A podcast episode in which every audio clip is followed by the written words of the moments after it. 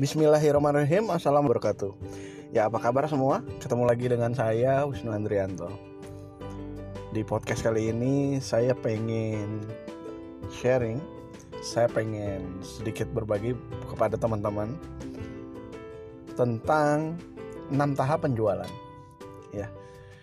Jadi Kenapa saya mau bahas ini? Karena uh, Seringkali Saya ngelihat Bukan ngelihat ya ditanya gitu. Terutama kalau sedang kuliah kuliah WhatsApp.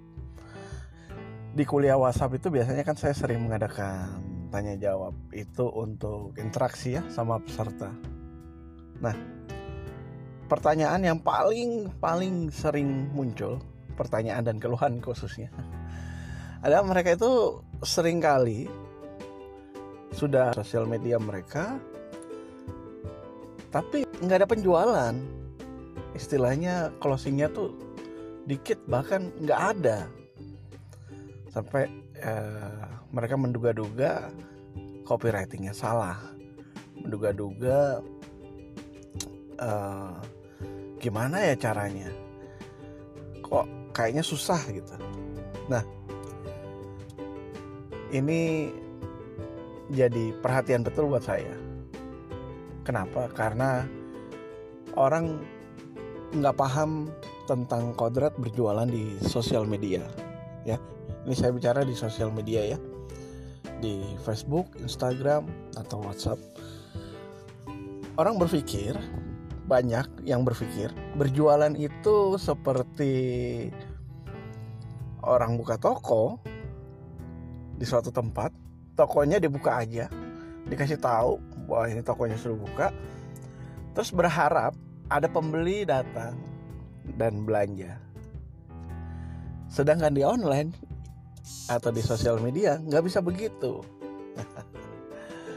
Kenapa? Kita nggak bisa itu posting status statusnya jualan.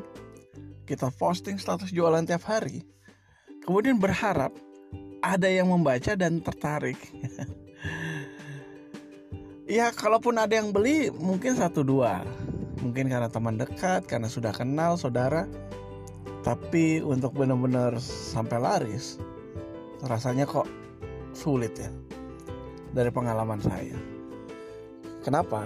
Salah satu alasannya adalah karena closing sampai tahap closing atau pembelian itu ada enam tahap yang harus dilalui jadi nggak serta merta closing penjualan itu tidak serta merta hadir begitu saja. Dia melalui tahap demi tahap. Nah, enam tahap ini saya bahas di podcast kali ini. Yang pertama adalah tahap kesadaran atau awareness. Nyadar dulu. Jadi si orang lain itu nyadar bahwa ada temen lo di sosial media, misalkan di Facebook atau di WhatsApp, itu yang namanya kita. nah, yang namanya Anda siapa di Facebook, mereka sadar dulu, tahu bahwa eh, sadar dulu bahwa ada Anda. Nah, caranya gimana? Kalau misalkan di sosial media, di Facebook, ya Anda komen lah atau kasih like di postingan-postingan teman-teman Facebook Anda. Biar mereka tuh ngeh gitu. Bahwa oh ada loh teman saya di Facebook namanya si X. Sadar dulu. Ya. Ketika sadar sudah sadar sudah nyadar ya. Eh, bahwasanya ada anda yang mungkin nanti lama-lama mereka akan tahu ke tahap berikutnya yaitu paham atau tahu ya atau ngerti lah atau kenal knowing bahwa oh teman Facebook saya yang suka komen namanya si X itu ternyata dia jualan gitu. Ternyata dia jualan jualan produk uh, A begitu.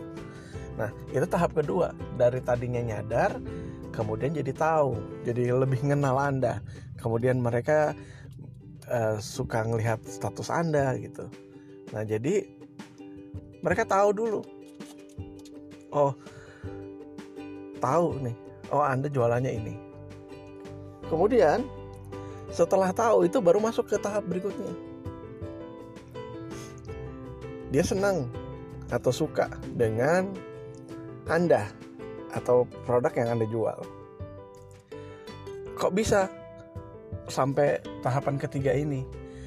Biasanya mereka bisa suka itu karena pertama konten-konten anda menarik. Konten-konten yang anda sajikan di sosial media menarik ya. Gitu.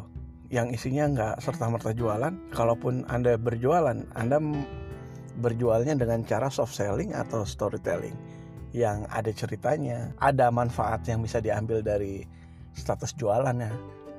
Gitu ya. Nah baru lanjut biasanya langsung ke tahap keempat selanjutnya itu dia naksir. Kepingin.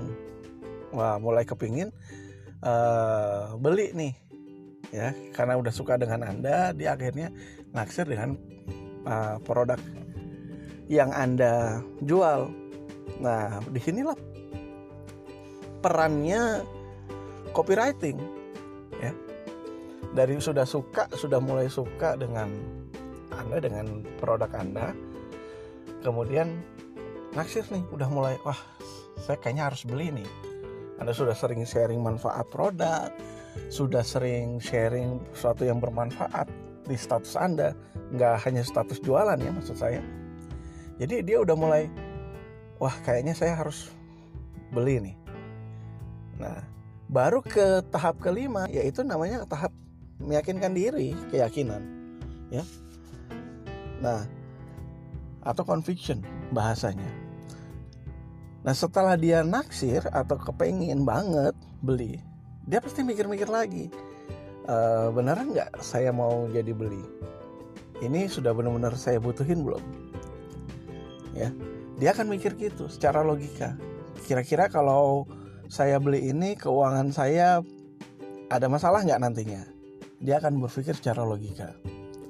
Nah biasanya di tahap ini kita sudah bisa uh, berikan namanya teknik closing dengan kasih bonus, kasih batasan, memberi garansi sehingga dia menghilangkan keraguan.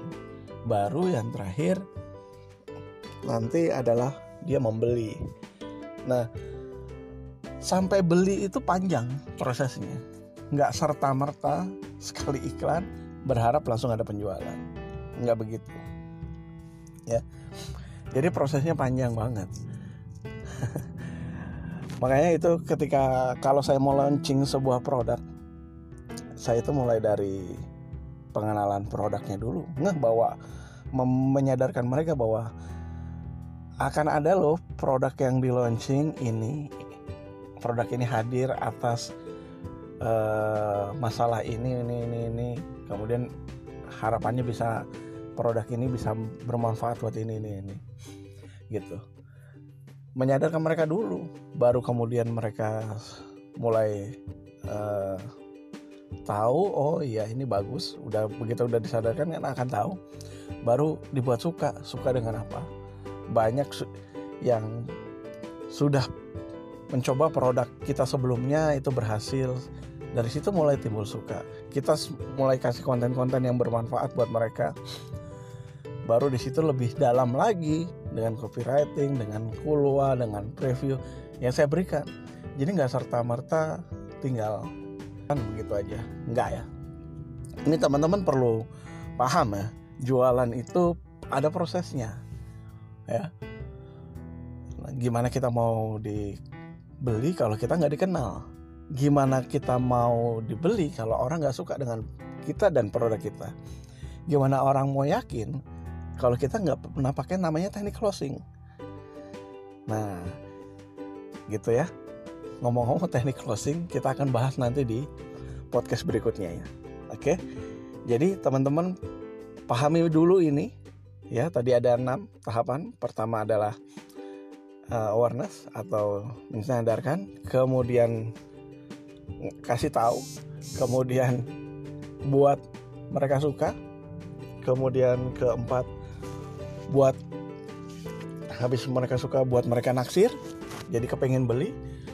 Buat kelima buat mereka yakin yang keenam baru akhirnya buat mereka beli. Gitu ya. Itu adalah enam tahap penjualan. Semoga bisa membantu penjualan teman-teman nantinya memberikan pemahaman lebih baik lagi. Oke gitu kita ketemu di podcast berikutnya ya uh, terima kasih sudah mendengarkan. Jika ada salah kemudian jika ada mau ada uh, saran boleh langsung ke inbox Facebook saya atau direct message boleh ke FB saya. Saya menerima kritik dan saran buat teman-teman mau request materi apa juga boleh. Oke gitu. Terima kasih sudah mendengarkan. Assalamualaikum warahmatullahi wabarakatuh